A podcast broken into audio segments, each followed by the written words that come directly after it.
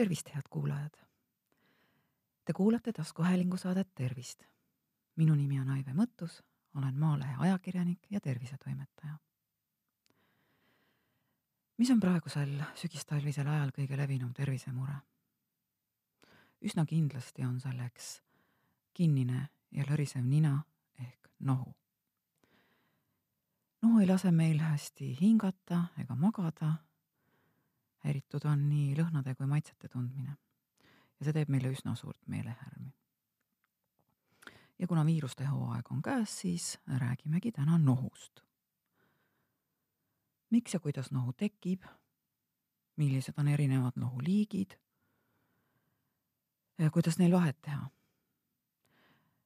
igaühel meist on mõni oma väga hea nohu ravimise ripp ja sestap räägimegi lisaks sellest, kas ja kuidas nohu ravida ja millal nohu tõttu arsti juurde minna. jagan teile tänases saates nõuandeid kolmelt arstilt. esimeseks on kauaaegne Tartu Ülikooli kõrvakliiniku juhataja professor Mart Kull, kes lahkus meie hulgast küll kahjuks üsna noore mehena ootamatult kümme aastat tagasi, aga tema õpetussõnad elavad ikkagi siiani. ja mäletan äh, ülikooli ajast tema väga harivaid ja meeleolukaid loenguid. nii et äh, tore on tema mõtteid täna ka teiega jagada. Äh, veel vahendan teile Tallinna Lastehaigla erakorralise meditsiini osakonna juhataja, lastearst Helke Nurme ja Pärnumaa perearst Madis Veskimägi nõuandeid.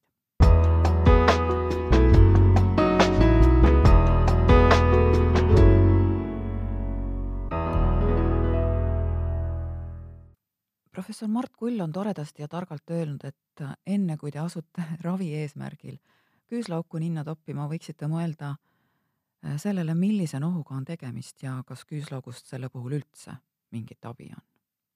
Miks see nina aga siis nii oluline on ja miks me läbi nina hingame, miks öeldakse kogu aeg, et ärge hingake mitte läbi suu, vaid läbi nina. nina peamiseks ülesandeks on sissehingatava õhu soojendamine ja niisutamine ja mingil määral ka puhastamine näiteks äh, tolmuosakestest, kui, kui õhk on, on tolmust saastunud. Need jäävad väga kenasti ninakarvadesse kinni ja ei satu alumistesse hingamisteedesse. Lisaks on äh, nina hingamine lapse eas väga oluline selleks, et, et nina äh, õõs ja nina kõrvalkoopad korralikult välja areneksid. ja kui need jäävad välja arenemata puuduliku nina hingamise tõttu, siis on nende avavused hiljem liiga väikesed ja täiskasvanu eas tekitab äh, sellisel juhul väiksemgi turse äh, nina liimaskestal tugeva ninakinnisuse.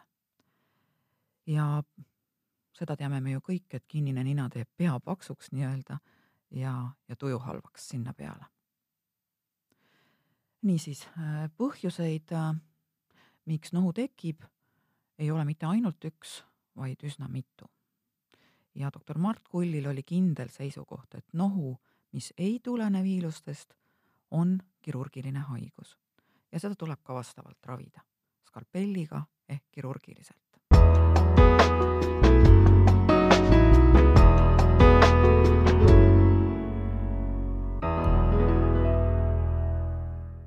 aga hakkame siis äh, nende nohu erinevate liikidega otsast peale. hüperreaktiivne ehk veresoonte nohu tähendab seda, et nina-veresooned reageerivad äh, liiga tugevalt äh, igasugustele tühistele väikestele ärritajatele, näiteks kas või sellele nagu peaasendi muutmine.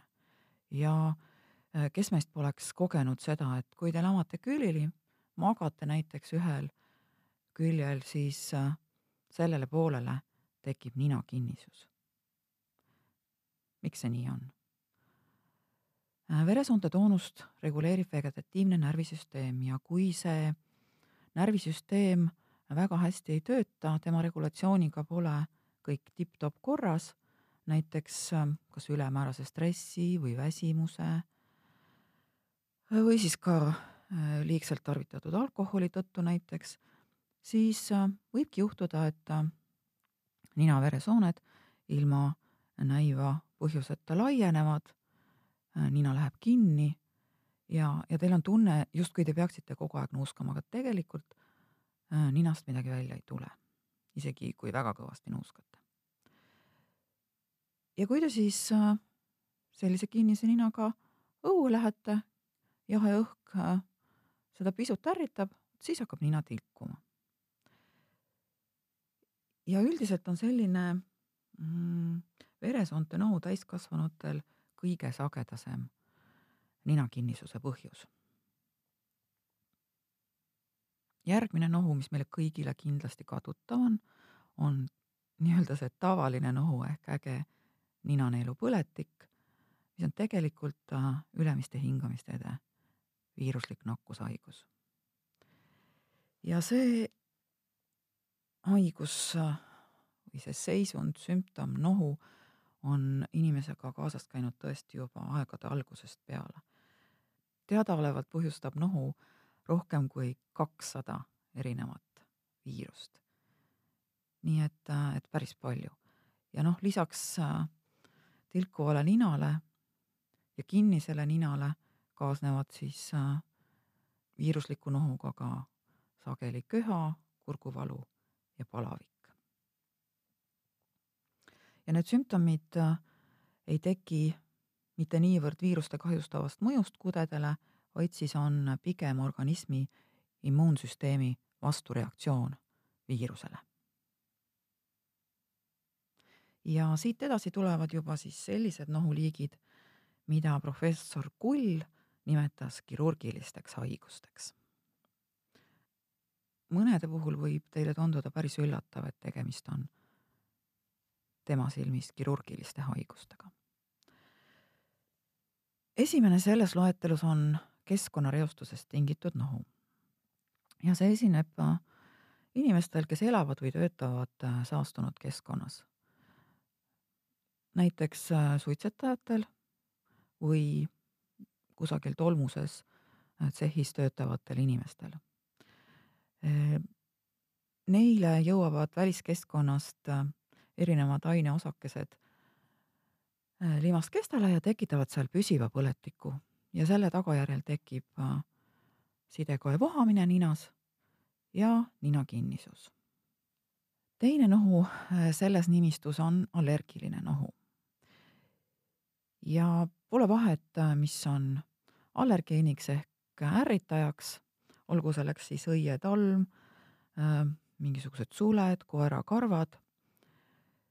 kõigi nende mõjul mm, tursub nina limaskest üles ja hakkab eritama lima ning bioaktiivseid aineid, mis panevad inimese aevastama. ja kroonilise ninakinnisuse korral tekivad ka allergilise nohu puhul siis mitte ainult äh, limaskestas muutused, vaid ka nina luulises ja kõhrelises toestussüsteemis ja äh, sellepärast ongi äh, doktor Mart Kull allergilise lohu, mida me ju tavaliselt oleme harjunud ravima antiallergiliste tablettidega, liigitanud kirurgiliste haiguste hulka, sest tema meelest on tablettide võtmine ja nihatil-, ninatilkade manustamine allergilise nohu korral äh, siiski niisugune ajutine lahendus, sest kui on tekkinud juba luulise või kõhrelise koe muutused, siis neid paraku äh, tablettide ja ninatilkadega korrigeerida ei õnnestu, tema arvates tuleb ikkagi appi võtta kirurginoga. Äh, kolmas nohu Äh, selles nimistus on adenoidne nohu ja see esineb peamiselt lapseeas ning seda tekitab ninaneelus paikneva lümfikoe kogumiku ehk adenoidi suurenemine. Ja üsna tüüpiline äh, selle nohu puhul on see, et lapsed hingavadki ainult läbi suu ehk neil on kogu aeg suu lahti, isegi magades kas või paar millimeetrit, aga suu on ikkagi lahti kuidas nüüd aru saada, kas tegemist on tavalise viirusnohuga või adenoidse nohuga? no ega seal mingisugust äh, raketiteadust selles asjas ei ole. tuleb äh, jälgida nohu ja vaadata, milline sekreet äh, ninast välja tuleb. Äh, viirusnohu puhul on esimestel päevadel mm, nohu vesine või siis ütleme esimesel päeval, võib-olla pisut ka teisel päeval ja ninasõrmed äh, punetavad. teisel-kolmandal päeval muutub aga ninaeritis juba paksemaks ja neljandast päevast alates muutub see valkjaks, mõnikord ka kergelt kollakaks sealt edasi hakkavad siis ninna tekkima juba äh, koorikud. adenoidne nohu on aga esimesest päevast alates äh, suhteliselt paks, limajas ja värviline ehk kollakas või roheline. ja kõigi nohupäevade jooksul adenoidse nohu sekreedi välimus ei muutu.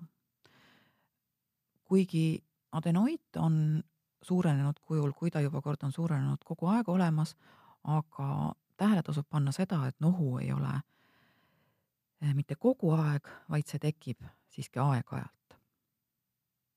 ja viimaseks eh, nii-öelda kirurgilise nohu liigiks on siis selline nohu, mis on tekkinud ninaõõne erinevate pindade eh, deformatsioonide tulemusel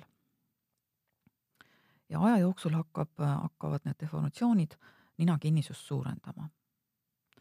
miks see nii on? selgitus peitub lihtsas füüsikas. kui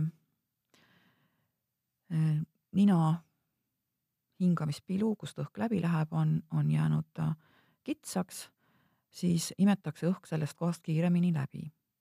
ja vastavalt füüsikaseadustele on rõhk seda madalam, mida kiirem on torus gaasivool. see tähendab seda, et kõrgem välisrõhk surub niigi kitsa ninapilu veelgi rohkem kokku ja ja pikapeale niisuguse tegevuse tulemusel limaskest pakseneb ja tegelikult hakkavad vaikselt moonduma ka nina luulised koed. kõigi nende nohude korral on kõige parem abi kirurgiline, sest et äh, loomulikult võib äh, ninna aastakümneid igasuguseid äh, ravimeid tilgutada, aga doktor Mart Kull oli omal ajal kindlal seisukohal, et äh, tänapäevane nohuravi peab lähtuma põhjustest, mitte tagajärgedest. ja ta märkis taas väga tabavalt, et nina on mõeldud hingamiseks, mitte ninatilkade tarvitamiseks. nii et kodustest võtetest, olgu siis küüslaugust või millestki muust, nende nohude puhul suurt abi ei ole.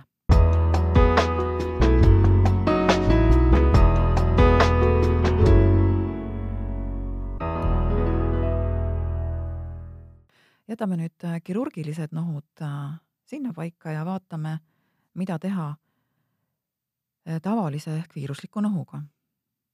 millega seda ravida ja kas ravimisel üldse mõtet on?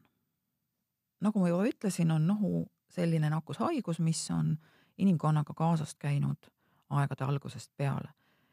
ja on üsna äh, tavapärane, et äh, täiskasvanud põevad äh, nohu kaks-kolm korda aastas, lapsed aga veelgi rohkem, kuus, mõni võib-olla kuni kümme korda aastas.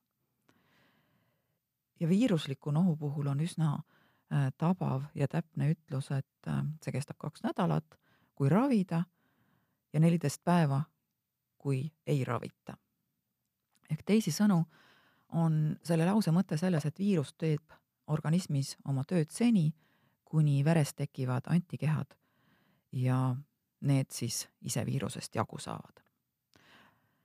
raviga on võimalik viirusliku nohu sümptome leevendada, aga põhjuslikku ravimeetodit tavalisest nohust jagu saamiseks olemas ei ole ja doktor Vadis Veskimägi rõhutab, et äh, mitte kunagi ei tohiks me unustada seda, et äh, apteekide käsimüügilettides müüdavad rohuravimid aitavad küll siis äh, nohu veidi leevendada, aga viirushaiguse kulgu nad muuta ei suuda. nüüd mida sealt apteegist siis äh, valida. riiulid on lookas, ravimeid on igasuguseid ja nohuravimite riiul on, on ka päris pikk. Äh, kõige tõhusam vahend selleks, et nina kinnisusest vabaneda ja vabalt hingata, on mereveest valmistatud ninasprei. ja muide, hiljuti, alles eelmisel nädalal tuli sellise tootega turule ka Eesti tootja Värska sanatoorium. ninaloputusvedelikku võite te endale ka ise kodus kokku segada. Keedate klaasitäie vett ära, panete sinna sisse ühe teelusikatäie soola, lasete jahtuda ja, ja saategi kasutada. ja nina loputamine on tegelikult kõige looduslikum nohuravimeetod. tore on see meetod ka sellepärast, et see sobib äh, ka väikestele lastele, kes nuusata ei oska. pihustate neile spreid linna, see ärritab neid ja nad äh, puristavad nii-öelda nina tühjaks. aga mida varem, seda parem on õpetada laps nuuskama ja doktor Helke Nurm lastehaiglast ütlebki, et parim nohuravim on regulaarne ja korralik nuuskamine, sest kõik, mis ninast tahab välja tulla, peab sealt ka välja tulema. keemiliste nohuravimite puhul, mis alandavad äh, limaskesta turset ja leevendavad limaeritust, tasub eelistada tablette, mitte ninaspreisid. sest tabletid mõjuvad süsteemselt ja ei kahjusta paikselt äh, nina limaskesta ja nohuravimist äh, sõltuvusse sattumise oht on väiksem. keemiliste ninaspreide puhul peaks kindlasti meeles pidama, et neid tohib kasutada järjest kolm päeva, mitte rohkem. Äh, miks nii? Sest vastasel juhul tekitate te endale ninatilkadest põhjustatud ehk medikamentoosse ninakinnisuse ninatilgad sisaldavad sellist ainet nagu pseudoefedriin ja see tekitab tugeva veresoonte spasmi ja selle kaudu tegelikult vähendabki nina limaskesta turset ja hingamine saab paremaks. see spasm, kui ta püsib mitmeid päevi järjest, kui te sinna kogu aeg seda äh, ravimit tilgutate, kahjustab äh, nina limaskesta verevarustust ja kui see kahjustus on juba pikaajaline, siis ähm, järgneb sellele põletik. põletik aga tekitab äh, limaskestas sidekoe vohamise ja äh, ninas jääb hingamiseks ruumi veelgi vähemaks. ja kuna inimene tunneb nüüd, et, äh, et tal on nina ikkagi kinni, siis tal tekib kangesti tahtmine järjekordselt neid tilku sinna muudkui aga tilgutada ja nii tekibki sõltuvus ninatilkadest ka suukaudsete nohuravimitega tasub ettevaatlik olla ja just sellesama pseudoefedriini tõttu. nagu öeldud, mõjuvad need äh, tabletid süsteemselt terves organismis ja tekitavad ka veresoonte spasmi terves organismis. ja kui äh, veresooned kokku tõmbuvad, siis on füüsikareegel see, et vererõhk soontes tõuseb ja siinkohal räägin ma teile ühe hoiatava loo, mis juhtus äh, minu kolleegiga. nimelt oli tal ees äh, vastutusrikas intervjuu, aga oh õnnetust, tekkis nohu ja no kuidas sa lähed äh, olulist inimest intervjueerima, nii et nina löriseb ja, ja kõik igalt poolt tilgub. Ja hakkas ta võtma mm, nohu leevendavaid tablette, mis sisaldasid siis pseudoefedriini ja võttis neid äh, loomulikult liiga palju, sest et enesetunne oli neist hea. nina enam ei tilkunud ja sai ilusti ettevalmistusi teha intervjuuks. aga ühel hetkel tundis ta ennast väga halvasti, pea kumises ja, ja kõrvus oli selline imelik tunne. Tõesti oli halb olla. Läks arsti juurde ja mis siis selgus, tema vererõhk oli päris kõrgele hüpanud ja see halb enesetunne oli tal kõrgest vererõhust, mis oli tema jaoks täiesti harjumatu. ja siis arst selgitaski talle, et, et ta on võtnud liiga palju neid ninaturset tähendavaid tablette, paraku kaasuvana sellega on tekkinud kõrge vererõhk ja, ja noh, ega sellest äh, kõrgest vererõhust lahti tal saada ei olnud kerge mitte, üsna, üsna palju võttis see aega, enne kui, kui vererõhk ise normaalsele tasemele langes. nii et parem nuusake ja loputage nina ja ravimeid kasutage vaid siis, kui asi nohuga on tõesti eriti hull. kui te neid aga siiski kasutada otsustate, siis kindlasti pidage kinni ravimipakendile märgitud juhistest.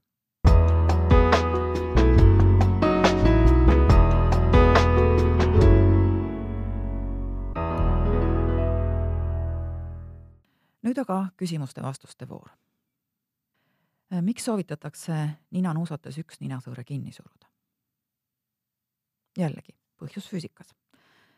nii tekib äh, nuuskamiseks kõige soodsam õhuvool, sest kui te üritate mõlemat nina poolt korraga nuusata, ei teki kummalgi vool nii suurt õhuvoolu kiirust, mida oleks vaja nohuse sekreedi väljutamiseks. Mis saab siis, kui nohueritist sissepoole tõmmata? no midagi ei saa, sest te neelate selle alla ja seedite ära. ja tegemist ei ole ju ometi mitte mingi mürgiga, vaid inimese enda kudede sekreediga, koevedelikuga. Endale märkamatult äh, neelame me seda alla tegelikult kogu aeg, aga kui nohu parajasti ei ole, siis me ei saa arugi, et äh, ninas tekib sekreeti.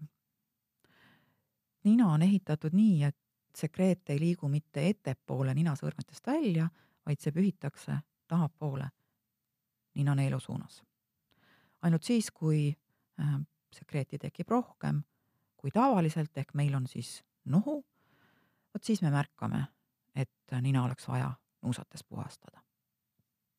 miks see nohu aevastama paneb? mitte kõik nohud ei pane meid aevastama. enamasti teeb seda allergiline nohu, sest nagu ma juba ütlesin, tekib selle käigus bioloogiliselt aktiivseid aineid, mis ninas närvilõpmeid ärritavad ja ärritus kutsubki esile aevastuse. nüüd aga väga oluline küsimus.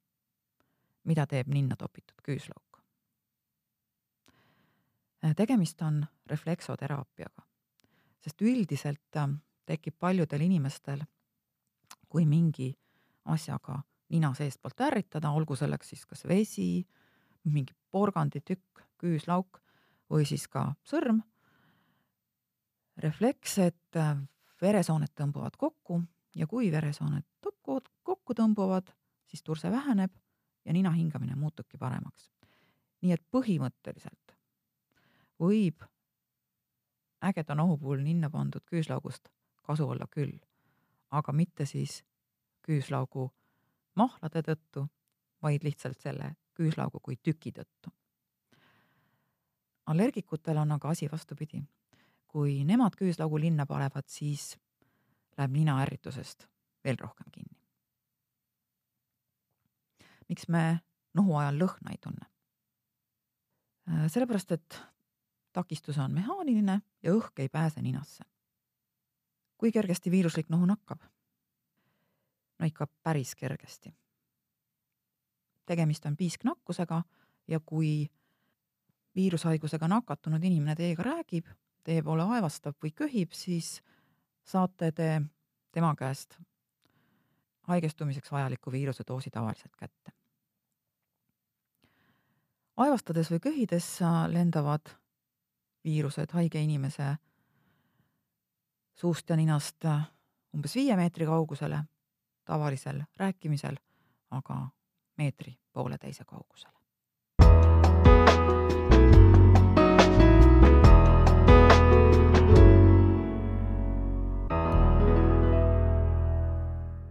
ja kokkuvõtteks. nohuväli määraja ning millise nohu korral arsti juurde minna.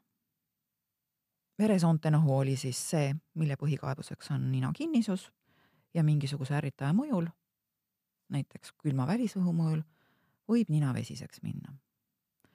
viiruslik nohu algab kihelusega ninas, eriti see on algul vesine, hiljem muutub tihkeks ja läbipaistmatuks allergilise nohu korral kaasneb esimesest päevast alates aevastamine ja ninakinnisus. ja adenoidse nohu tunnuseks on see, et esimesest päevast peale on ninast väljuv eritis värviline. Arsti juurde peaks nohuga minema kindlasti kahel juhul. üks on see, kui ninaeritis on värviline ja sellega kaasneb survetunne või valu põskede ja otsmiku piirkonnas.